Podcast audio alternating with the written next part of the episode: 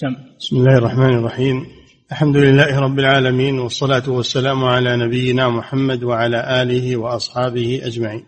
أما بعد قال المؤلف رحمه الله تعالى وقوله تعالى يريدون أن يبدلوا كلام الله. قل لن تتبعونا. بسم الله الرحمن الرحيم. الحمد لله والصلاة والسلام على رسول الله وعلى آله وأصحابه أجمعين.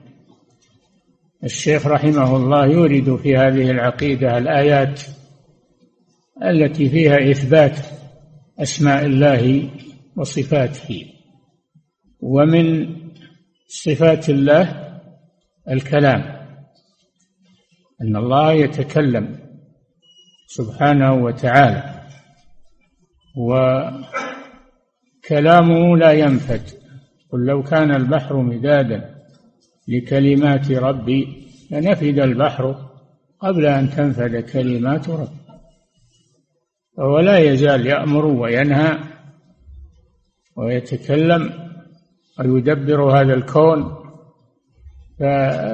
فكلامه سبحانه من صفاته الفعلية. يفعلها إذا شاء متعلقة بالمشيئة. يفعلها إذا شاء. فهذه الآية من ضمن الآيات أن أن المسلمين لما أرادوا الغزو لما أرادوا الغزو تجهزوا أراد المنافقون أن يخرجوا معهم. فالله رد عليهم قل لن تتبعونا لن تخرجوا معنا. كذلكم قال الله من قبل. قال الله في إثبات القول لله سبحانه وتعالى. أي قال الله لا أنهم لا يتبعونكم. كلام الله لا يبدل. لو خرجوا لا بدلوا كلام الله. الله منعهم من الخروج مع المسلمين. قل لن تتبعونا كذلكم قال الله من قبل أنكم لن تخرجوا معنا. يريدون أن يبدلوا كلام الله يخالفوه. هذا لا يمكن.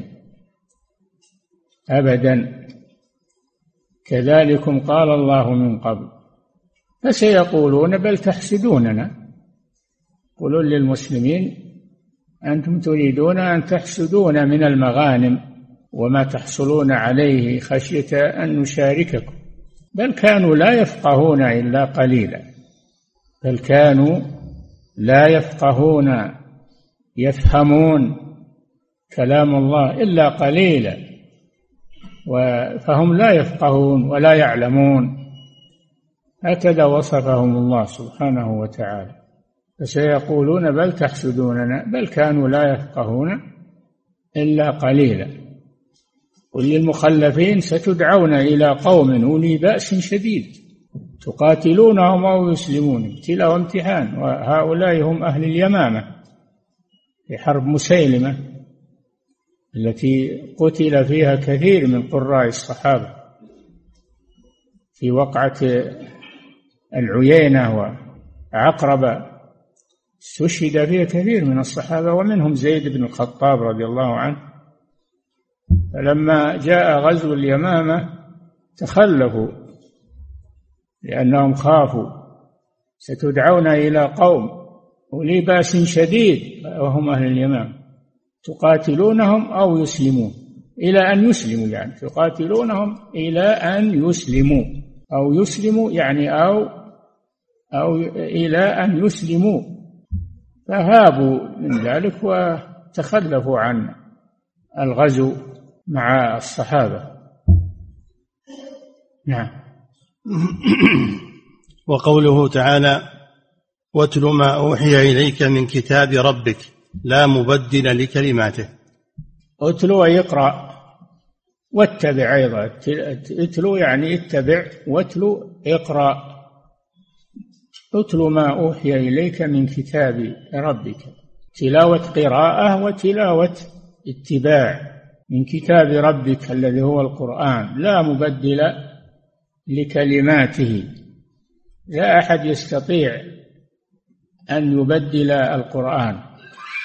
هذه معجزة من معجزات هذا الرسول. مع عداوة المشركين ومع ما استطاعوا أن يغيروا منه حرفا واحدا. لأن الله قال إنا نحن نزلنا الذكر وإنا له لحافظون. فلم يستطع أحد من المشركين والملحدين أن يغيروا حرفا واحدا من كلام الله لأنه محفوظ بحفظ الله سبحانه وتعالى. لكن الشاهد منه فيه إثبات الكلام لله عز وجل. نعم. وقوله تعالى إن هذا القرآن يقص على بني إسرائيل أكثر الذي هم فيه يختلفون. نعم هذا القرآن يقص على بني إسرائيل اليهود والنصارى أكثر الذي هم فيه يختلفون. هل الرسول حاضر يوم فك الوقت؟ لا ما هو حاضر. هذا دليل على أن القرآن من عند الله سبحانه وتعالى إنه يتكلم عن أمور ماضية لم يشهدها الرسول ولم يحضرها. فهذا دليل على ولا استطاعوا أن يردوا عليه يقول أبد هذا ما صار وهذا ما ما استطاعوا. هذا معجزات هذا القرآن. ودليل على أنه من عند الله نعم وفيه إثبات لكلام الله سبحانه وتعالى. القرآن من كلامه. نعم. وقوله تعالى وهذا كتاب أنزلناه مبارك. وهذا القرآن يعني وهذا القرآن كتاب كتاب الله سبحانه وتعالى. أنزلناه فهو منزل غير مخلوق. كما تقوله الجهمية منزل. من قال إنه مخلوق فهو كافر. الجهمية والمعتزلة كلام الله غير مخلوق والقرآن غير مخلوق وإنما هو كلام الله جل وعلا حقيقة. نعم. وقوله تعالى لو أنزلنا هذا القرآن على جبل لرأيته خاشعا متصدعا من خشية الله. لو أنزل الله هذا القرآن هذا القرآن الذي بين أيدينا لو أنزله على جبل لو خاطب به جبلا من الجبال الصم لهبط الجبل. رأيته خاشعا لله متصدعا من خشية الله. إذا قلوب بني آدم أقسى من الحجارة. ثم قست قلوبكم من بعد ذلك فهي كالحجارة أو أشد قسوة. وإن من الحجارة لما يتفجر منه الأنهار وإن منها لما يشقق فيخرج منه الماء وإن منها لما يهبط من خشية الله. فلو خاطب الله الجبل بهذا القرآن لخشع وتصدع. من عظمة الله سبحانه وتعالى وعظمة كلامه. هذا يدل على عظمة هذا القرآن الذي بين أيدينا. ونحاسب أنفسنا الذي خاطبنا الله به قليل منا من يتحسس. والجبال لو خطبت به لتصدعت وخشعت. نعم. لو أنزلنا هذا القرآن على جبل لرأيته خاشعا متصدعا من خشية الله وقوله تعالى وإذا فالجمادات لها إدراك. الجمادات لها إدراك تخشع وتسبح ربها لكن لا وإن من شيء إلا يسبح بحمده ولكن لا تفقهون تسبيحه. ما نفهم ما ما نفهم كلامها ولا نسمعه لكن الله جل وعلا يسمعه. نعم. وقوله تعالى وإذا بدلنا آية مكان آية والله أعلم بما ينزل. قالوا إنما أنت مفتر بل أكثرهم لا يعلمون. قل نزله روح القدس من ربك قل نزله روح القدس من ربك بالحق ليثبت الذين آمنوا وهدى وبشرى للمسلمين. ولقد نعلم أنهم يقولون إنما يعلمه بشر لسان الذي يلحدون إليه أعجمي وهذا لسان عربي مبين. نعم وهذه الآيات في كلام الله في القرآن وإذا بدلنا آية مكان آية هذا النسخ الله ينسخ ما يشاء ويثبت ما يشاء سبحانه وتعالى. هناك آيات نسخها الله وبدلها بمثلها وأحسن منها وقد يكون النسخ إلى غير بدل. الله سبحانه يمحو الله ما يشاء ويثبت. الأمر لله سبحانه وتعالى. بدلنا آية مكان أي إذا بدلنا آية مكان آية قالوا إنما أنت مفتر. يصفون الرسول بأنه كذاب. يفتري على الله. الله ما بدل آية مكان آية. وإنما هذا تصرف من الرسول بزعمهم. تعالى الله عن ذلك. بل أكثرهم لا يعلمون. قل نزله روح القدس وهو جبريل عليه السلام من ربك. تكلم الله به وسمعه جبريل من ربه ونزل به إلى محمد صلى الله عليه وسلم. ولقد نعلم أنهم يقولون إنما يعلمه بشر. اللسان الذي يلحدون إليه أعجمي وهذا لسان عربي مبين. فيه غلام في مكة يقال له عداس كان من أهل الكتاب. يقولون إن محمدا أخذ هذا القرآن عن هذا النصراني مع أن هذا النصراني أعجمي. وهذا القرآن بلسان عربي مبين فكيف يستطيع هذا الأعجمي أن يتكلم بهذا الكلام الفصيح المعجز؟ هذا تكذيب لهم وهذا لسان عربي مبين واضح أفصح الكلام كلام الله سبحانه وتعالى. نزل بأفصح اللغات وهي لغة قريش. نعم. وقوله تعالى وجوه يومئذ ناظرة إلى ربها ناظرة. وجوه يومئذ ناظرة بالضاد من النظرة وهي البهجة. إلى ربها إلى ربها ناظر. شوف الأول ما فيها ما عدي باللام بإلى ناظرة بدون تعدي. كلام لازم يعني من النظرة وهي البهجة. وجوه المؤمنين ناظرة. إلى ربها إلى ربها ناظرة. هذه رؤية البصر. فيه إثبات آه، الرؤية أن المؤمنين يرون ربهم يوم القيامة كما يرون الشمس صحوا ليس دونها سحاب وكما يرون القمر ليلة البدر. لا لا يتضامون في رؤيته. كل يراه في مكانه. ما ما يتغامرون ويتزاحمون يبي يشوفون مثل ما يحصل عند بعض المشاهد الخفية يتزاحمون الناس عليها. لكن الله جل وعلا كل يراه وهو في مكانه في الجنة.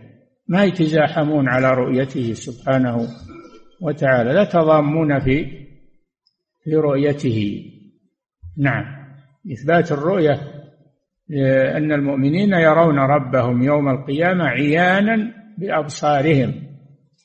لما آمنوا به في الدنيا ولم يروه فالله جل وعلا جازاهم أنهم يرونه يوم القيامة ويتمتعون برؤيته ولا يجدون لذة أو نعيما آلذ من النظر إلى وجه الله سبحانه وتعالى. ينسون ما هم فيه من الجنان وما هم فيه من النعيم.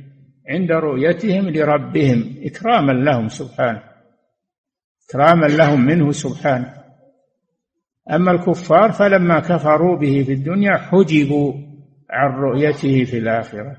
كلا إنهم عن ربهم يومئذ لمحجوبون. يحجبون من رؤيته. لما كفروا به في الدنيا حجبوا من رؤيته في الآخرة. نعم. وقوله تعالى على الأرائك ينظرون. على الأرائك يعني على المجالس المرتفعة أهل الجنة؟ هذه في أهل الجنة. إن الأبرار لفي نعيم على الأرائك ينظرون. تعرف في وجوههم نظرة النعيم.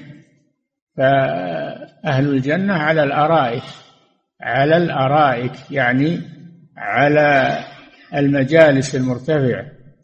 ينظرون إلى أي شيء؟ إلى وجه ربهم سبحانه وتعالى.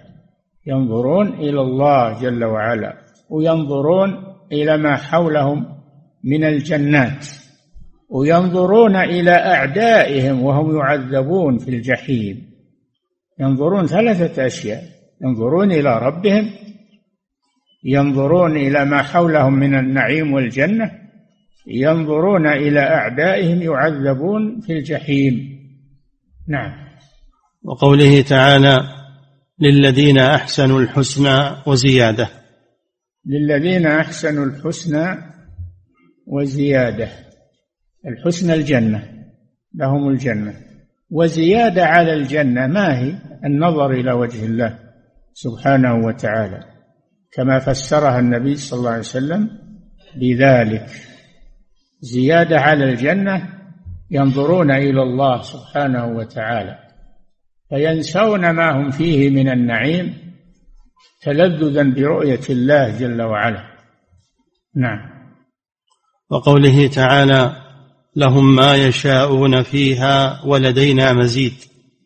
ولدينا مزيد. لهم ما يشاءون في الجنة من النعيم والسرور ولدينا مزيد وهو النظر إلى وجه الله سبحانه وتعالى. ولدينا مزيد وهو المذكور في قوله للذين أحسنوا الحسنى وزيادة. هذا هو المزيد. نعم. وهذا الباب في كتاب الله تعالى كثير. انتهى من سياق الآيات ولم يحصها لكثرتها لكنه جاء بنماذج منها. نعم. وهذا الباب في كتاب الله تعالى كثير. من تدبر القرآن طالبا الهدى منه تبين له طريق الحق. من تدبر القرآن تدبر القرآن يعني قرأه بتدبر وتفهم لمعانيه. القرآن ما يقرأ فقط بدون تدبر ما يقرأ لجودة التلاوة أو لجودة الصوت لا أو يقرأ يقرأ للأجرة ويتأكل به إنما يقرأ لعبادة الله سبحانه وتعالى بقراءته وللتفقه فيه تدبر فيه. نعم. من تدبر القرآن طالبا الهدى منه. طالبا الهدى منه. أما اللي ما يطلب الهدى ما ما يجد في القرآن شيء ولا يستفيد منه شيء. نعم. من تدبر القرآن طالبا الهدى منه تبين له طريق الحق. ما في شك لأن القرآن يبين للناس طريق الحق من طريق الضلال. نعم. ثم سنة رسول الله صلى الله عليه وسلم. نعم لما فرغ من ذكر نماذج من الآيات الدالة على صفات الله انتقل إلى بيان ذلك من السنة. الثابتة عن الرسول صلى الله عليه وسلم. نعم. ثم سنة رسول الله صلى الله عليه وسلم تفسر القرآن وتبينه وتدل عليه وتعبر عنه. هذا مكانة السنة من القرآن أنها تفسر القرآن تدل عليه يعني تدل على ما يدل عليه القرآن. نعم. تفسر القرآن وتبينه وتدل عليه وتعبر عنه. وتعبر عنه عما فيه من المعاني. هي تفسير للقرآن. نعم. ثم سنة رسول الله صلى الله عليه وسلم تفسر القرآن المراد بالسنة هنا الأحاديث. المراد بالسنة هنا الأحاديث الواردة عن الرسول صلى الله عليه وسلم. نعم. ثم سنة رسول الله صلى الله عليه وسلم تفسر القرآن وتبينه وتدل عليه وتعبر عنه. نعم. وما وصف الرسول صلى الله عليه وسلم به ربه عز وجل من الأحاديث الصحاح التي تلقاها أهل المعرفة بالقبول وجب الإيمان بها كذلك. نعم مثل ما يجب الإيمان بما في القرآن لأن السنة حق. وهي وحي من الله سبحانه وتعالى. فهي وحي من الله لكن الأحاديث الصحيحة الأحاديث الثابتة عن الرسول صلى الله عليه وسلم لأن هناك أحاديث ضعيفة أحاديث موضوعة أحاديث منكرة لكن الصحيح من السنة الذي أثبته الحفاظ الرواة هذا هو الذي يؤخذ ويحتج به. وفي مقدمة ذلك صحيح البخاري وصحيح مسلم والسنن الأربع. نعم. وما وصف الرسول به ربه عز وجل من الأحاديث الصحاح التي تلقاها أهل المعرفة بالقبول وجب الإيمان بها كذلك. مثل نعم. مثل, مثل ما يجب الإيمان بالقرآن. كلام الرسول يجب الإيمان به لأنه وحي من الله. والرسول آه، الرسول يتكلم عن الله سبحانه وتعالى بما أوحاه إليه. السنة وحي من الله هي الوحي الثاني بعد القرآن. نعم. مثل قوله صلى الله عليه وسلم ينزل ربنا إلى سماء الدنيا حين يبقى ثلث الليل الأخير فيقول من يدعوني فأستجيب له من يسألني فأعطيه من يستغفرني فأغفر له. متفق عليه. نعم الأحاديث النزول الله جل وعلا إلى سماء الدنيا كل ليلة حين يبقى ثلث الليل الآخر ثابتة متواترة عن الرسول صلى الله عليه وسلم. ينزل نزولا يليق بجلاله سبحانه. كما أنه يرتفع ويعلو كما يليق بجلاله. ما هو مثل نزول البشر ولا ارتفاع البشر لا يليق بجلال الله سبحانه وتعالى. ينزل كل ليلة ينزل كل ليلة حين يبقى ثلث الليل الآخر. فيقول هل من سائل فأعطيه هل من داع فأستجيب له هل من مستغفر فأغفر له؟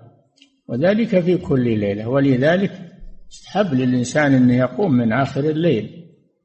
وقت النزول الإلهي يصلي ويدعو ربه. هذه فرصة لا تعوض. نعم. وقوله صلى الله عليه وسلم لله أشد فرحا بتوبة عبده من أحدكم براحلته الحديث متفق عليه. نعم لله أشد فرحا بتوبة عبده. الله يفرح بتوبتنا مع أنه غني عنا لكن يريد لنا الخير يريد لنا الخير سبحانه وتعالى. وإلا فهو غني عنا وعن توبتنا. لكن فضل التوبة وثوابها يرجع إلينا. فالله يحب لنا ما ينفعنا وما يفيدنا آه، رحمة ورافة منه سبحانه بنا فيفرح إذا تاب عبد عبده إليه. أشد من فرح من فقد راحلته في أرض مهلكة ثم جاء إلى ظل ونام ينتظر الموت. وبينما هو كذلك إذا براحلته واقفة على رأسه وعليها طعامه وشرابه ففرح بها فرحا شديدا وقال اللهم أنت ربي اللهم أنت عبدي وأنا ربك. أخطأ من شدة الفرح. اللهم أنت عبدي وأنا ربك. يبي يقول اللهم أنت ربي وأنا عبدك. لكن أخطأ من شدة الفرح براحلته. ما في شك يبي يموت مستسلم للموت. وإذا براحلته فوق رأسه. الله أشد فرح من هذا بتوبة عبده. إذا تاب إليه من الذنوب. نعم. فيه إثبات الفرح لله عز وجل. فيه إثبات الفرح لله عز وجل. نعم. وقوله صلى الله عليه وسلم يضحك الله إلى رجلين يقتل أحدهما الآخر يدخلان الجنة. متفق عليه. يضحك الله فيه إثبات أن الله يضحك. ضحكا يليق بجلاله سبحانه وتعالى. إلى رجلين يقتل أحدهما الآخر. كلاهما يدخلان الجنة القاتل والمقتول. إيش هذا؟ مسلم وكافر. التقيا التقيا فالكافر قتل المسلم. ثم من الله على الكافر الكافر قتل المسلم فدخل المسلم الجنة. ثم من الله على الكافر فأسلم فدخل الجنة. كلاهما يدخلان الجنة. هذا من العجب الذي يضحك الله منه آه، ضحك متعجب من هذا. نعم. كيف القاتل يدخل الجنة؟ نعم إذا أسلم دخل الجنة. مع مع المقتول. نعم. وقوله صلى الله عليه وسلم عجب ربنا من قنوط عباده وقرب غيره ينظر إليكم أزلين قنطين فيظل يضحك يعلم أن فرجكم قريب. حديث حسن. نعم. الناس إذا أجدبوا إذا أجدبوا فإنهم فإنهم يتأثرون بالجدب ويضعفون وقد ييأسون من المطر قد ييأسون من المطر.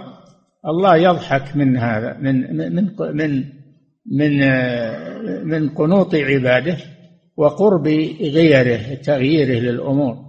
يضحك من قنوط عباده وقر وقرب غيره منه سبحانه وتعالى يغير الأمور فينزل المطر. وهو الذي ينزل الغيث من بعد ما قنطوا وينشر رحمته وهو الولي الحميد. هذا فيه إثبات أن الله يضحك ضحكا يليق بجلاله سبحانه وتعالى. يعلم أن فرجكم قريب وهو إنزال المطر. نعم. عجب ربنا من قنوط عباده وقرب غيره. ينظر إليكم أزل. قرب غيره يعني تغييره للأمور. نعم وفي رواية قرب خيره. نعم. ينظر إليكم أزلين قنطين فيظل يضحك يعلم أن فرجكم قريب. حديث حسن. نعم. وقوله صلى الله عليه وسلم لا تزال جهنم يلقى فيها.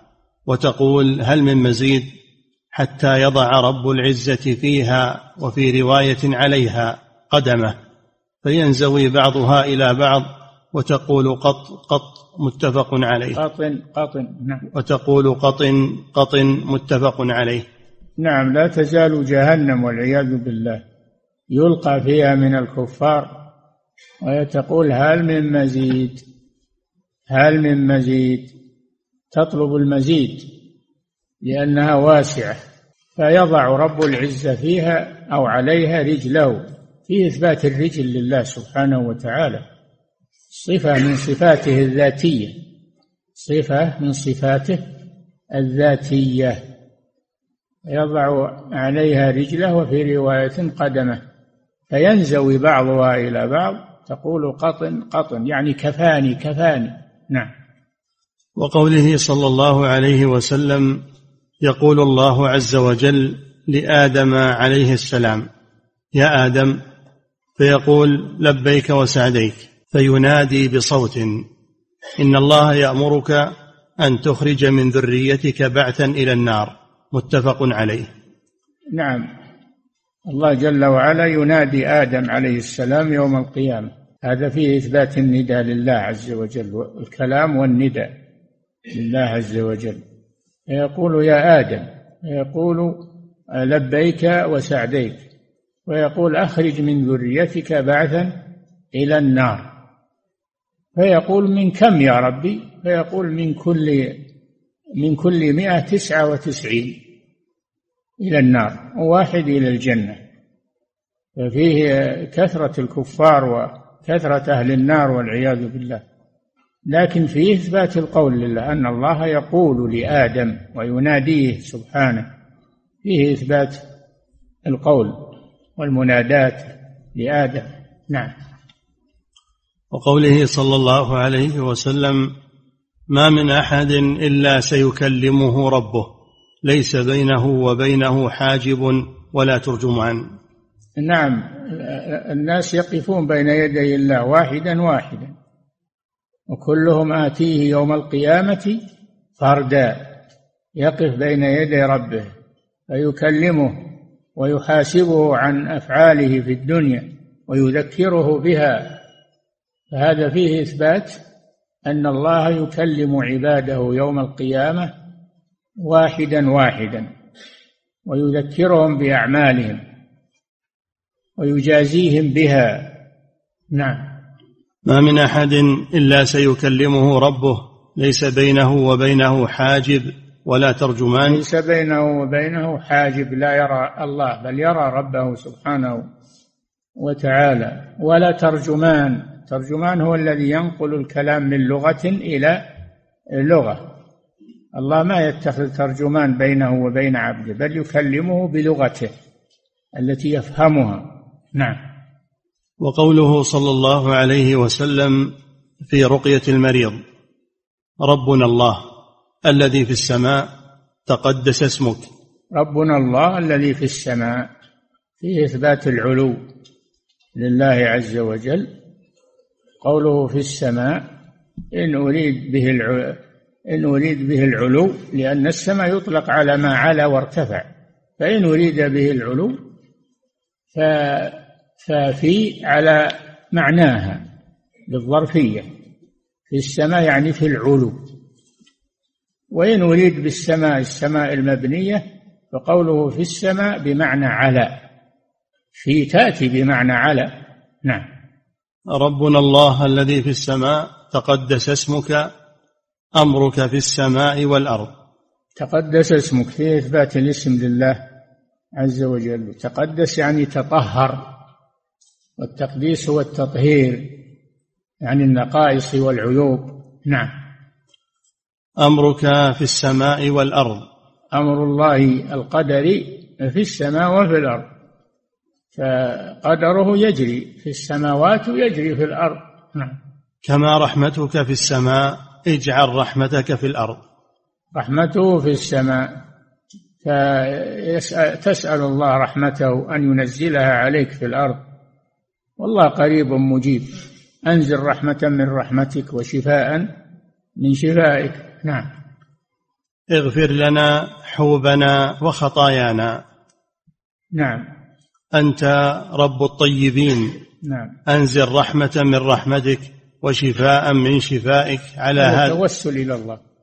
أول الحديث توسل إلى الله. ثم جاء الطلب أنزل رحمة من رحمتك وشفاء من شفائك. هذا يقال على في الرقية. رقية الإنسان لنفسه أو رقيته للمريض. نعم.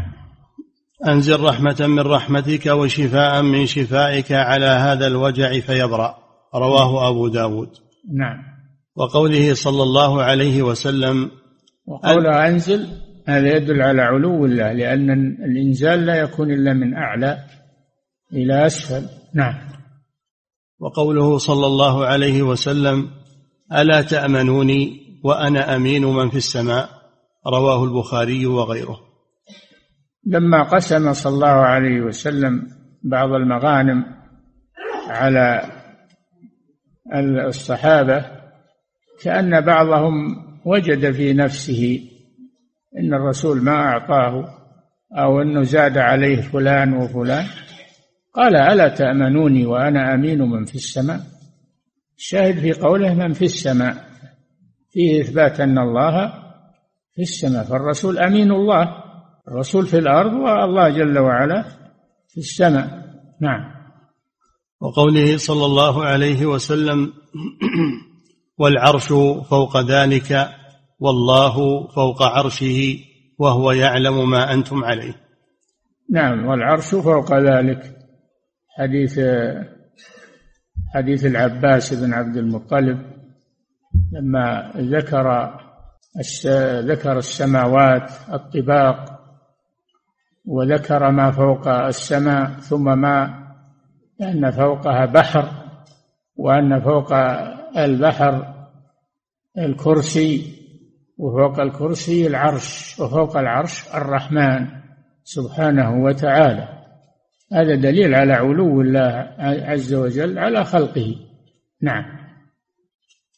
والعرش فوق ذلك والله فوق عرشه وهو يعلم ما أنتم عليه. العرش فوق ذلك يعني فوق فوق السماوات وفوق البحر. الذي فوق السماوات والله فوق العرش فوق العرش كما في قوله جل وعلا ثم استوى على العرش. نعم. وهو يعلم ما أنتم سقف المخلوقات. العرش سقف المخلوقات. نعم. وهو يعلم ما أنتم عليه. وهو يعلم ما أنتم عليه. أنتم في الأرض وهو فوق العرش. كم بينكم وبينه من المسافة؟ ومع هذا يعلم ما أنتم عليه. لا يخفى عليه شيء. إن الله لا يخفى عليه شيء في الأرض ولا في السماء. مع علوه سبحانه وتعالى. نعم. وقوله صلى الله عليه وسلم للجارية أين الله؟ قالت في السماء. قال من أنا؟ قالت أنت رسول الله. قال أعتقها فإنها مؤمنة. رواه مسلم. هذا رجل من الصحابة أراد أن يعتق جارية له يعني مملوكة له عن كفارة عليه. ومن شرط العتق في الكفارة أن يكون المعتق مؤمنا أن يكون مؤمنا الرقيق يكون مؤمنا. فأراد هذا الرجل أن يعتقها. ثم جاء بها إلى الرسول صلى الله عليه وسلم ليختبرها. هل هي مؤمنة أو لا؟ هل هي مؤمنة فيعتقها الكفارة أو ليست مؤمنة؟ فالرسول اختبرها. قال لها أين الله؟ هذا فيه إثبات أنه يقال أين الله لأجل التعليم. قال لها أين الله؟ قالت في السماء. قال من أنا؟ قالت أنت رسول الله. قال أعتقها فإنها مؤمنة. تجزي يعجي اعتاقها بالكفارة لأنها مؤمنة.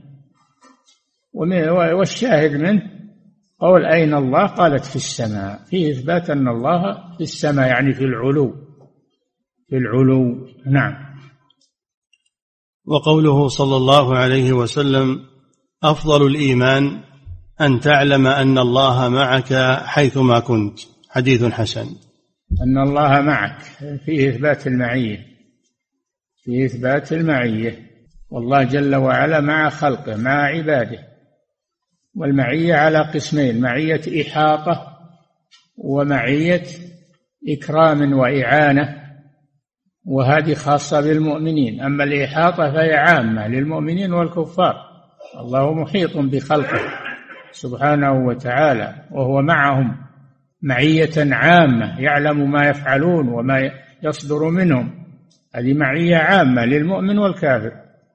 أما معية النصر والتأييد فهذه خاصة بالمؤمنين. كما قال لموسى وهارون عليهما السلام إنني معكما أسمع وأرى. قال الرسول صلى الله عليه وسلم لأبي بكر إذ هما في الغار إذ يقول لصاحبه لا تحزن. إن الله معنا. هذه معية نصر وتأييد. نعم. وقوله صلى الله عليه وسلم يكفي. نعم. شو وقفنا عليه؟ إذا قام أحدكم إلى الصلاة فإن الله قبل وجهه. نعم هذا خلنا الصادم إن شاء الله. نعم. فضيلة الشيخ وفقكم الله هذا سائل يقول بعضهم يذكر أن السلف قد كفروا من قال بأن القرآن مخلوق. كفروه بالجنس ولم يكفروه بعينه. فهل ما يذكره صحيح؟ التكفير يحتاج إلى ضوابط ويحتاج إلى إلى تروي فيه ما هو كل يكفر وكل لا ما يكفر إلا من ينطبق عليه الكفر. وهذا يحتاج إلى أهل العلم وأهل البصيرة. نعم. فضيلة الشيخ وفقكم الله من توقف في القرآن فقال لا أقول إنه منزل ولا أقول إنه مخلوق. فما حكمه؟ حكمه أنه أنه جاحد لإنزال القرآن وشاك في أنه مخلوق شك. ومن شك فهو مثل الذي تيقن. نعم. فضيلة الشيخ وفقكم الله هذا سائل يقول هل يمكن أن يقال بأن جبريل عليه السلام يعتبر كليما لله؟ الكليم هو موسى عليه السلام. الكليم هو موسى. الله يكلم عباده. كلم محمد صلى الله عليه وسلم ليلة المعراج. ولكن هذه الكلمة لا تقال إلا لموسى عليه السلام. هو الذي اختصه الله بأنه كلمه بدون واسطة جبريل وكان يكلمه كلمه ويكلمه بكل رسالته فهو كليم الله عز وجل. اختص بهذا منهم من كلم الله وهو موسى عليه السلام. نعم. فضيلة الشيخ وفقكم الله هذا سائل يقول هل ورد أن المنافقين سيرون الله عز وجل يوم القيامة ثم يطلب منهم السجود فلا يستطيعون السجود. نعم هو تسميهم بالإيمان كونهم مع المؤمنين. آه، يكشف الله لهم ساقه يوم القيامة فيخر أهل الإيمان يسجدون لله إذا كشف لهم ساقه ورأوه ويريد المنافق أن يسجد فيتصلب ظهره. تصلب ظهره ويدعون إلى السجود فلا يستطيعون. نعم. فضيلة الشيخ وفقكم الله هذا سائل يقول ما الفرق بين المعية العامة والمعية الخاصة؟ المعية العامة لجميع الخلق المؤمنين والكفار محيط بهم عالم بما يعملون. وأما المعية الخاصة فهي معية الإعانة والتوفيق والتسديد هذه خاصة بالمؤمنين. نعم. فضيلة الشيخ وفقكم الله السائل يقول هل هناك فرق بين المعية والقرب؟ المعية لها خاصية والقرب له خاصية. فهو معنا وهو قريب من عباده سبحانه وتعالى. إذا سألك عبادي عني فإني قريب أجيب دعوة الداعي إذا دعان. نعم. فضيلة الشيخ وفقكم الله. هذا سائل يقول هل تجوز قراءة القرآن من غير تدبر كأن يقرأ باستمرار وردا يوميا ولكنه لا يتدبر ذلك؟ لا هذا ما ينتفع. إذا لم يتدبر لم ينتفع بقراءة القرآن. نعم. أفلا يتدبرون القرآن أم على قلوب أقفالها؟ نعم. كتاب أنزلناه إليك مبارك ليدبروا آياته ليتذكر أولو الألباب. المقصود من من التلاوة هو هي التدبر وتلاوة بلا تدبر لا فائدة منها. نعم. فضيلة الشيخ وفقكم الله هذا سائل يقول كيف الجواب عن هذه الشبهة؟ وهي إن القول بأن الله في السماء أو أن يقول كيف الجواب عن هذه الشبهة؟ وهي إن القول بأن الله في السماء أو أنه مستو على عرشه يكون ذلك بأن الله محتاج إلى مخلوقاته. يقول كيف نجيب عن هذا الأمر؟ العرش محتاج إلى الله. هو ممسك للعرش إن الله يمسك السماوات والأرض أن تزولا ولئن زالتا إن أمسكهما من أحد بمعنى ما ما أمسكهما من أحد من بعده. فالعرش والسماوات هذه بحاجة إلى الله هو الذي يمسكها وليست هي التي تحمله. من ظن أن وسيأتيكم في هذه الرسالة من ظن أن كونه على العرش أن, أن, أن السماء تقله أو تظله فذلك من, من أجهل الناس. ما تقله ولا تظله. وغني عنها سبحانه. نعم. فضيلة الشيخ وفقكم الله. هذا السائل يقول هل يشرع رفع اليدين في الدعاء في الثلث الأخير من الليل؟ نعم. الأصل في الدعاء رفع اليدين إلا في المواطن التي دعا فيها الرسول صلى الله عليه وسلم ولم يرفع يديه. هذا من أسباب الإجابة رفع اليدين. نعم. فضيلة الشيخ وفقكم الله هذا سائل يقول عندما أقابل شخصا وأشك في إسلامه هل يشرع لي أن أسأله هذه الأسئلة أين الله ومن هو رسول الله وهكذا؟ لا. إذا كان في بلاد المسلمين فهو مسلم. الأصل فيه أنه مسلم. أما في بلاد الكفار فالله أعلم. قد يكون مسلما وقد يكون كافرا. نعم. فضيلة الشيخ وفقكم الله. ولكن قل هل أنت مسلم أو لا. قل له هل أنت مسلم أو لا. نعم. فضيلة الشيخ وفقكم الله. ذكر شيخ الإسلام رحمه الله أنه يجب الأخذ بالأحاديث الصحاح التي تلقاها أهل المعرفة بالقبول. يقول ما مقصوده بأهل المعرفة؟ أهل الحديث. أهل المعرفة يعني أهل الحديث الحفاظ. نعم. فضيلة الشيخ وفقكم الله هذا سائل يقول ما طريقة احتساب الثلث الأخير من الليل؟ من أين يحسب؟ هل هو من غروب الشمس أو من العشاء؟ هذا يختلف باختلاف الفصول وباختلاف لكن احسب ما بين غروب الشمس إلى طلوع الفجر. واقسمه على ثلاثة أقسام. الثلث الأخير هو المقصود. نعم. فضيلة الشيخ وفقكم الله هذا سائل يقول ورد في الحديث يعجب ربنا من قنوط عباده. يقول ما المقصود بقنوط العباد؟ وهل هو أمر جائز؟ قنوط العباد من نزول المطر. يصيرون ما ما كملت الحديث. يعجب ربنا من قنوط عباد ينزل ينظر إليكم أزلين قانطين فيظل يضحك يعلم أن فرجكم أو فرحكم قريب. هذا في حال الجدب انحباس المطر. وهو الذي ينزل الغيث من بعد ما قنطوا. نعم.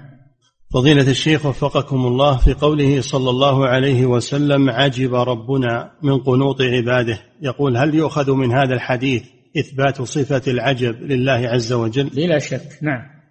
فيه إثبات العجب لله عز وجل؟ نعم. فضيلة الشيخ وفقكم الله هذا سائل يقول يقول أمي حفظها الله إذا خرجت من البيت فإني أقول لها في أمان الله. فترد علي في أمان الله ورسوله. يقول ما حكم هذه الزيادة؟ لا لا لا تقول هذا. في أمان الله وحده. نعم. فضيلة الشيخ وفقكم الله. هذا سائل يقول هل استغاثة الغريق بالمخلوق الحي الحاضر وهو يعلم أنه غير قادر على إنقاذه هل يعد هذا من الشرك الأكبر؟ لا. هذا يستغيث يبي أحد يخرج من الغرق والخطر. ما هو بشرك هذا. هذا من المساعدة من المساعدة للمحتاج. نعم. أو المساعدة للمضطر. نعم. فضيلة الشيخ وفقكم الله هل القول بأن الأحاديث التي يتكلم بها رسول الله صلى الله عليه وسلم معناها من الله ولفظها من الرسول عليه السلام؟ نعم. معناها من الله. وما ينطق عن الهوى إن هو إلا وحي يوحى. نعم. فضيلة الشيخ وفقكم الله هذا سائل يقول أحيانا المصلي سواء كان إماما أم منفردا ينسى قراءة البسملة قبل الفاتحة. فهل قراءة البسملة واجبة في الصلاة؟ وهل هي آية من الفاتحة؟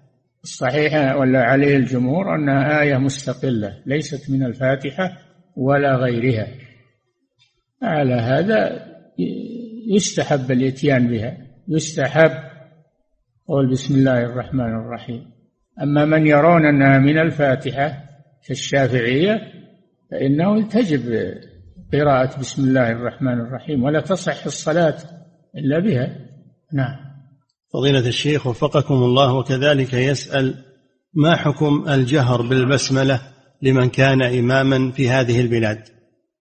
لا يمشي على ما عليه العمل في البلاد. ما ما يجهر. شوش على الناس. شوش على الناس في هذا. نعم. فضيلة الشيخ وفقكم الله هذا سائل يقول هل هل يجوز رفع اليدين في دعاء الاستخارة؟ نعم لا بأس. كل دعاء ترفع بها اليد. نعم. فضيلة الشيخ وفقكم الله هذا سائل يقول ما المقصود بالخشوع لله سبحانه وتعالى في الصلاة أو خارجها؟ وهل حضور القلب. المراد بالخشوع حضور القلب في الصلاة حضوره عدم انشغاله وغفلته. نعم. وهل كثرة الحركات في الصلاة منافية للخشوع؟ إذا كثرت الحركات ثلاثة شروط. إذا كثرت هذا شرط إذا توالت هذا الشرط الثاني. إذا كانت لغير حاجة هذا الشرط الثالث تبطل الصلاة. نعم. فضيلة الشيخ وفقكم الله هذا سائل يقول ما حكم افتتاح اللقاءات أو الحفلات بتلاوة القرآن الكريم؟ شيء طيب لا بأس هذا إيش تبي يفتتحونه بالغناء ولا؟ القرآن طيب. نعم. فضيلة الشيخ وفقكم الله من ذبح لله الصحابة إذا جلسوا يأمرون واحدا يقرأ عليهم. يأمرون أبا موسى الأشعري رضي الله عنه يقرأ عليهم لأن حسن الصوت. نعم. فضيلة الشيخ وفقكم الله هذا سائل يقول من ذبح لله عز وجل؟ عند عتبة بيته ويقصد بذلك دفع العين أو طلب البركة. فهل هذا من هذا الشرك؟ لا يجوز هذا ذبح لغير الله ولا يجوز. هذا شرك. لا يجوز. يقول بسم الله يقرأ الورد. أما الذبح عند العتبة أو أو عند المكينة إذا صار مصنع ما يجوز هذا. شرك بالله عز وجل. ذبح لغير الله. نعم. يبي يطرد الشياطين يبي أو يبي يرضي الجن ما يصلح هذا. نعم. فضيلة الشيخ وفقكم الله. هذا سائل يقول هل ورد عن السلف رحمهم الله أنهم كانوا يختمون القرآن أول النهار في الصيف وأول الليل في الشتاء لأن الملائكة تصلي عليهم حتى يوسف؟ نعم ورد هذا ورد هذا أنهم يختارون الليل الطويل أو النهار الطويل. نعم. فضيلة الشيخ وفقكم الله في الصلاة الإبراهيمية الذي ورد اللهم صل على محمد وعلى آل محمد كما صليت على إبراهيم إلى آخره. يقول هل يجوز لي أن أضيف اللهم صل وسلم وسلم على محمد؟ ما ورد هذا. لا تجيب شيء ما ورد. نعم. فضيلة الشيخ وفقكم الله هذا سائل يقول أحد زملائي في العمل أرسل لي دعوة لحضور زواجه بعد يومين هذا الزواج ولكن هذا الرجل محارب لي ولعموم المتدينين ويكره كل رجل ملتحن سؤاله هل أستجيب لدعوته لزواجه وأحضر هذا الزواج أم ماذا؟ نعم ما دام دعاك والمكان ما فيه ما فيه منكرات اذهب إليه. ربما تتالف وربما ما الكلام على المكان هل فيه منكرات؟ لا تروح. ما في منكرات اذهب إليه. نعم. فضيلة الشيخ وفقكم الله ورد حديث عن رسول الله صلى الله عليه وسلم من فاتته صلاة العصر فقد حبط عمله. يقول ما المقصود بهذا الحديث؟ إن فاتته يعني تركها ترك صلاة العصر متعمدا. ما هو باللي نام ولا انشغل؟ الرسول انشغل عن صلاة العصر في الأحزاب. إذا كان معذور فلا بأس لكن إذا إذا فاتته صلاة العصر متعمدا تركها حبط عمله. نعم. فضيلة الشيخ وفقكم الله هذا السائل يقول هل يجوز بأن يقال عن الذي ينظر إلى النساء الأجنبيات بشهوة؟ أو يشاهد الأفلام الإباحية. يقال عنه بأنه زان أخذا من قوله صلى الله عليه وسلم والعينان تزنيان وزناهما النظر. أي نعم زاني لكن ما هو بزنا الفرج. الزنا أنواع منه زنا الفرج ومنه زنا النظر ومنه زنا اللمس. الزنا أنواع. نعم. فضيلة الشيخ وفقكم الله ما معنى قوله صلى الله عليه وسلم عن المطر إنه حديث عهد بربه. إنزاله يعني إنزاله حديث عهد. إنزاله من الله. حديث عهد. نعم. فضيلة الشيخ وفقكم الله هل يؤخذ من قوله صلى الله عليه وسلم أو هل يؤخذ من هذا الحديث القدسي وهو قوله سبحانه العظمة إزاري والكبرياء ردائي هل يؤخذ منها إثبات هذين الصفتين؟ بلا شك. نعم. إثبات أنهما كما ورد إزاره ورداؤه. نعم. فضيلة الشيخ وفقكم الله هل هناك فرق بين قول الشخص توكلت عليك وبين قوله اعتمدت عليك الفرق من جهة اللفظ. المعنى واحد. لا تقول اعتمدت عليك اعتمدت عليك هذا معناه التوكل عليك لكن قل وكلتك فوضتك أنبتك اللغة العربية لها الحمد وسيعة تجد لفظا ما فيه إشكال. نعم. فضيلة الشيخ وفقكم الله هذا سائل يقول هل يشترط في الأحاديث التي تثبت العقيدة أن تكون أحاديث متواترة أو تجوز أن تكون من صحيحة. الأحاد يشترط فيها أن تكون صحيحة ولو ما هي متواترة. نعم. ولو هي آحاد لكانت صحيحة. نعم. فضيلة الشيخ وفقكم الله هذا سائل يقول ما حكم غيبة الفاسق المعلن بفسقه؟ وش الفائدة من غيبة؟ إذا كان غيبته من أجل أن يرتدع ولا تشتكيه تقول فلان ما يصلي فلان تشتكيه على ولي الأمر أو أنه ظلمك وأخذ حقك إذا كان هذا من أجل إنكار منكر أو من أجل مطالبة بحق فلا بأس. نعم. فضيلة الشيخ وفقكم الله هذا سائل يقول سمعت فتوى في قناة فضائية وهي أن الضرورات تبيح المحظورات وأنه يجوز أن يحل السحر بسحر مثله عند الضرورة. يقول هل هذا القول صحيح؟ ما هنا ضرورة لاستعمال السحر في العلاج؟ ما هنا ضرورة. ال- ال- السحر يحل ولله الحمد بالأدوية المباحة ويحل بالرقية اللي تسمى النشرة. ما ما حاجنا الله إلى السحر. نعم. فضيلة الشيخ وفقكم الله هذا سائل يقول يقول بعض العمالة يضع خرقا سوداء أسفل السيارة. يقول هل هذا مناف للعقيدة وهل يجوز لي أن أنزعها؟ ممنوعين من هذا ولكن يعلقون خفية ولا صادر فتوى من اللجنة الدائمة مروحة للداخلية بمنعهم لكن يسارقون الأمور ويحطونها لأنهم يعتقدون فيها. يجب الإبلاغ عنهم. إذا رأيت أحد من هؤلاء يجب أن تبلغ المرور عنه. نعم. فضيلة الشيخ وفقكم الله هذه امرأة تسأل تقول ما حكم بقائي مع الزوج إذا كان لا يصلي؟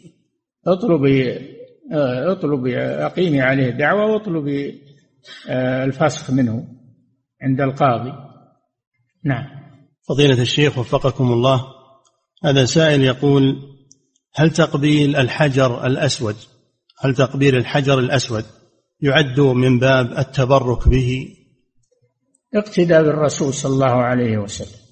نحن نقبل الحجر الأسود ونستلمه اقتداء بالرسول صلى الله عليه وسلم.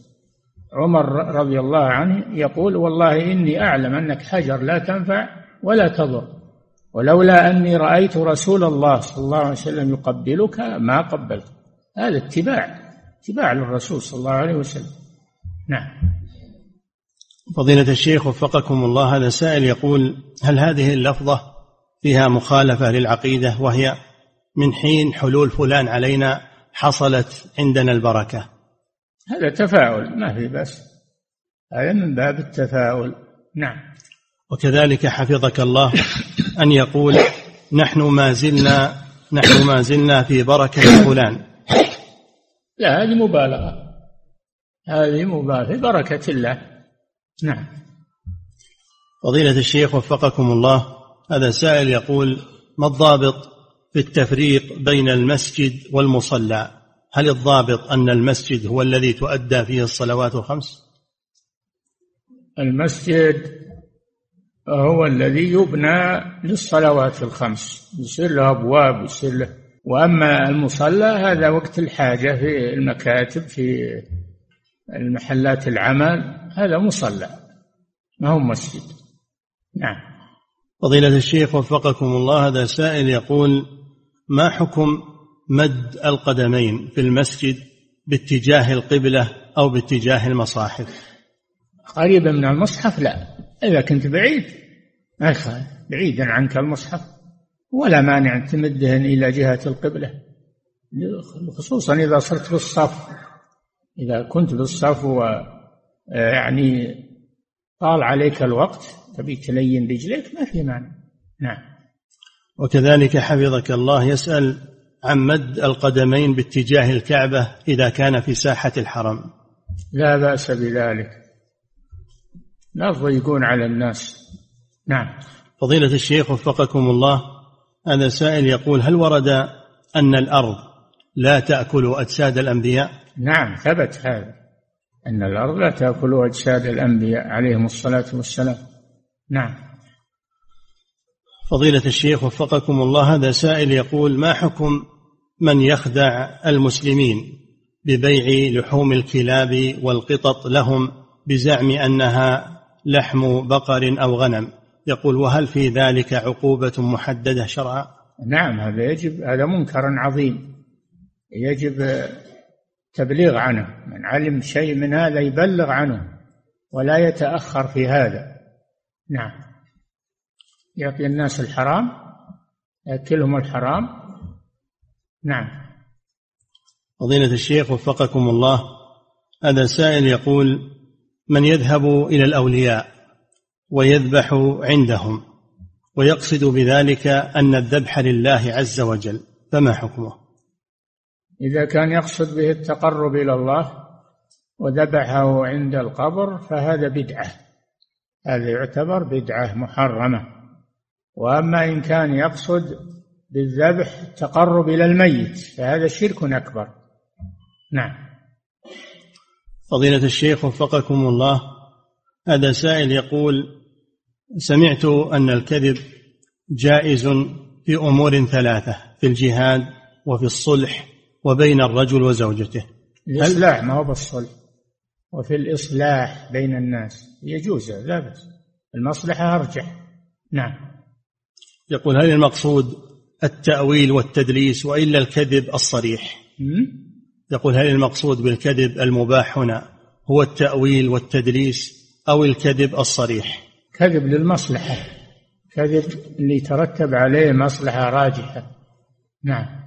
فضيلة الشيخ وفقكم الله هذه معلمة تسأل فتقول مديرتي في المدرسة ستترك المدرسة وتغادرها قريبا بإذن الله وقد صدر قرار بذلك. سؤالها هل يجوز لي أن أشارك زميلاتي في شراء هدية لها حيث لم يعد بيدها صلاحيات كالتقويم وغيره؟ لا بأس. طيب إذا كان إن هذا من باب يعني مكافأتها على على ما أدته من العمل وهي ستغادر فلا بأس بالإهداء إليه. نعم. فضيلة الشيخ وفقكم الله هذا سائل يقول ما حكم التوسل إلى الله عز وجل بجاه فلان؟ لا يجوز. هذا لا بجاهه ولا بحقه لا يجوز التوسل إلى الله بجاه أحد. حتى الرسول صلى الله عليه وسلم ما تقول أسألك بجاه نبيك أو بحق نبيك ما يجوز هذا. هذا حلف حلف على الله لأن الباء باء القسم. نعم. فضيلة الشيخ وفقكم الله هذا سائل يقول كيف أستطيع أن أفرق بين كرامة الأولياء وبين الخوارق الشيطانية؟ العمل عمل الذي تجري يجري على يده الخارق. إذا كان من عباد الله الصالحين المستقيمين فهي كرامة من الله. إذا كان الذي يجري عليه الخارق فاسق أو كافر أو مشرك فهذه من خوارق الشيطان وليست من الكرامات. نعم. فضيلة الشيخ وفقكم الله هذا سائل يقول طلاب المنح الذين جاءوا من بلاد الكفار وجاءوا طلبا للهجرة. هل يجب عليهم أن يرجعوا إلى بلادهم لأجل الدعوة إلى الله عز وجل؟ نعم. قد يجب عليهم أنهم يرجعون إذا كانوا للدعوة إلى الله. يجب عليهم ذلك. ولينذروا قومهم إذا رجعوا إليهم لعلهم يحذرون. نعم. فضيلة الشيخ وفقكم الله هذا سائل يسأل فيقول هل هناك دواء شرعي لأجل فك السحر؟ هل؟ هل هناك دواء شرعي لأجل فك السحر؟ لا ولا يجوز أنه يكون هناك دورات. دواء. دواء؟ نعم. إيش يقول؟ يقول هل هناك دواء شرعي لفك السحر؟ والله هذا يسأل عنه الأطباء هم اللي يعرفون الأدوية. نعم. فضيلة الشيخ وفقكم الله هذه امرأة تسأل فتقول هل يمكن للمرأة أن تختار في الجنة زوجا غير زوجها في الدنيا؟ الله أعلم. إذا دخلنا الجنة إن شاء الله يسألوا هناك. نعم. فضيلة الشيخ وفقكم الله هذا سائل يقول هل الفقر والغنى دليل على محبة الله سبحانه وتعالى للعبد؟ فيقال بأن هذا فقير لأن الله يحبه أو غني لأن الله يحبه. لا ما هو بدليل. العمل هو اللي يدل. العمل الصالح هو اللي يدل. وأما الفقر أو الغنى الله أعلم بذلك. قد يكون ابتلاء وامتحان. نعم. فضيلة الشيخ وفقكم الله هذا سائل يقول هل صحيح أن الإصرار على الصغائر يصيرها كبائر؟ نعم. إذا أصر عليها ولم يبالي بها فإنها تصير كبائر لأنه تهاون بها. نعم. فضيلة الشيخ وفقكم الله ورد عن رسول الله صلى الله عليه وسلم لا تدخل الملائكة بيتا فيه كلب أو صورة. يقول هل المقصود ملائكة الرحمة أو الملائكة الذين معه؟ ملائكة الرحمة أما الحفظة يدخلون. الحفظة هذا يلازمون الإنسان. تعاقبون فيكم ملائكة في الليل والنهار. هذا ولا حفظة.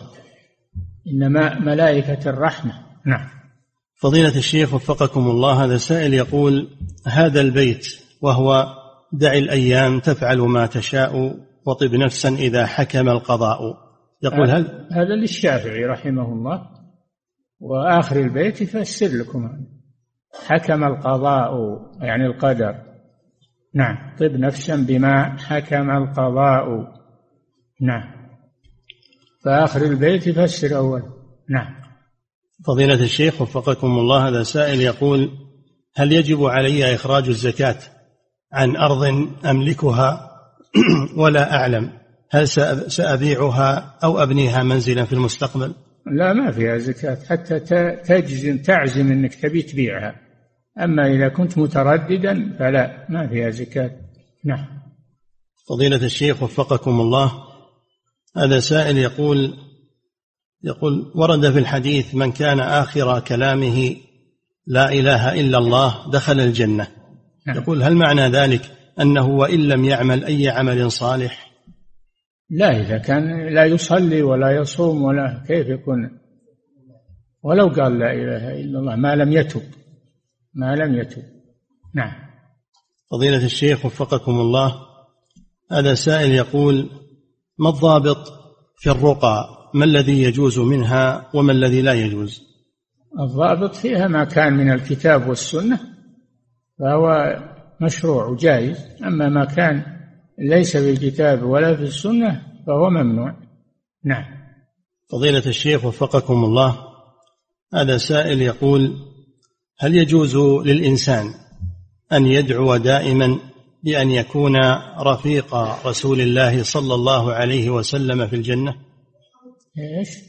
يقول هل يجوز للإنسان أن يدعو دائما بأن يكون رفيق رسول الله صلى الله عليه وسلم في الجنة؟ طيب لا بس يعني يقول, يقول اللهم اجعلني مع مع رسولك وفي زمرته وفي أمته أما أنه يسأل يكون في منزلة الرسول لا ما يجوز هذا. لكن يكون مع أمته مع صحابته مع أتباعه عليه الصلاة والسلام. طيب نعم.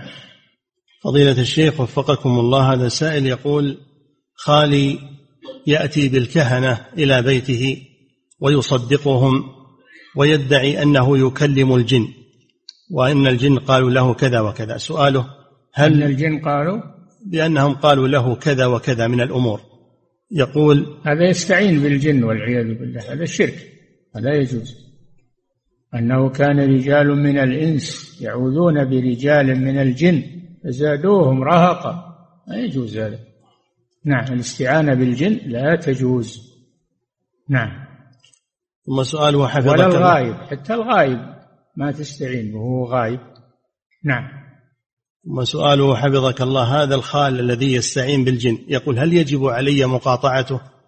تنصحه أول شيء فإن ترك هذا الحمد لله وإلا إذا أصر على هذا فقاطعه وابتعد عنه لأنك أديت الواجب نحوه. نعم. فضيلة الشيخ وفقكم الله هذا سائل يقول ما حكم قراءة الكتب التي تؤول نصوص صفات الله عز وجل خاصة للطالب المبتدئ؟ لا يجوز هذا. الطالب المبتدئ ما يجوز له يقرأ الكتب التي فيها شيء من الضلال أو من التأويل إنما القراءة للعالم الذي يريد الاطلاع عليها لأجل أن يرد عليها أو يحذر منها. أما إنسان مبتدئ لا يقرأ بهذه الكتب. نعم. فضيلة الشيخ وفقكم الله هذا سائل يقول من كان اسمه معبدا لغير الله ثم أسلم فهل يجب عليه أن يغيره؟ نعم. يجب عليه أن يغير اسمه من التعبيد لغير الله ويعبده لله عز وجل. نعم. الرسول غير أسماء ناس من هذا النوع. نعم. فضيلة الشيخ وفقكم الله هذا سائل يقول إذا تحملت الشهادة فهل يجب علي أن أؤديها عند القاضي؟ إذا احتيج إليك يجب عليك ولا تكتمها. أما إذا كان هناك غيرك يشهدون فلا يجب عليك هذا. نعم. فضيلة الشيخ وفقكم الله هذا سائل يقول هل ما يحدث من الزلازل والبراكين هي عقوبات من الله عز وجل لمن حصلت عليه؟ ما في شك وما أصابكم من مصيبة فبما كسبت أيديكم. نعم. فضيلة الشيخ وفقكم الله هذا سائل يقول هل تقبيل أو استلام الحجر الأسود في غير الطواف يعد أمرا مشروعا؟ لا ما ورد هذا إلا في الطواف. ما ورد إلا في الطواف. نعم. فضيلة الشيخ وفقكم الله هذا سائل يقول هل ورد أن أبا بكر الصديق رضي الله عنه وأرضاه كان مسبلا لإزاره فقال له رسول الله صلى الله عليه وسلم إنك لست ممن يفعله خيلا. لا ما هو مسبل. يقول إن إزاري يسقط أحيانا. فقال إنك لست ممن يفعله يعني آه، خيلا. يسقط أحيانا. نعم. فضيلة الشيخ وفقكم الله هذا سائل يقول يقول رجل مستقيم أغواه الشيطان فارتكب كبيرة من الكبائر وهو الآن يحس بالندم على ذلك والحسرة. يقول ما نصيحتكم له وتوجيهكم في هذا؟ توبة إلى الله. الله يتوب على من تاب. وإن كان أخذ شيء لأحد وظلم أحدا يرجع له حقه مع التوبة. نعم. أما إن كان بينه وبين الله يتوب إلى الله. توبة صحيحة والله يتوب على من تاب. نعم. فضيلة الشيخ وفقكم الله هذا السائل يقول رجل يضع المنبه لصلاة الفجر وفي مرات كثيرة متعددة ينام عن الصلاة ولا يصليها إلا في الساعة الثامنة صباحا ولا يعلم السبب مع أنه ينام مبكرا وزوجته توقظه كثيرا لكنه لا يستيقظ. يقول ما الواجب عليه في هذا؟ الواجب عليه أنه يقوم ويصلي مع الناس يعمل الشيء اللي يوقظه للصلاة ولا يتهاون بهذا. وإذا نوى أعانه الله عز وجل. نعم. فضيلة الشيخ وفقكم الله إذا اغتسل المسلم غسل الجنابة فهل يجزئه هذا عن الوضوء؟ إذا نوى إذا نوى دخول الوضوء مع الاغتسال فإنه يصح. بالنية إنما الأعمال بالنيات وإنما لكل امرئ ما نوى. تدخل الطهارة الصغرى مع مع الطهارة الكبرى بالنية. نعم. فضيلة الشيخ وفقكم الله هذا سائل يقول عند القيام بإلقاء كلمة وعظية يقول يحصل استدلال بآيات قرآنية فهل يجوز للواعظ أن يرتل هذه الآيات؟ ما داعي للترتيل ما هو هذه تلاوة علشان يرتلها. هذا استشهاد بالآية. لا حاجة أنه يرتلها نعم. فضيلة الشيخ وفقكم الله هذا سائل يقول هل ورد أن الدعاء مستجاب في الروضة الشريفة؟ المسجد النبوي. الناس هكذا دلوا يبالغون بالروضة الشريفة. ونسي المسجد النبوي. يجب أنه ينبه على هذا. نعم. انتهى وفقكم الله تعالى أعلم وصلى الله وسلم على نبينا محمد على آله وصحبه أجمعين.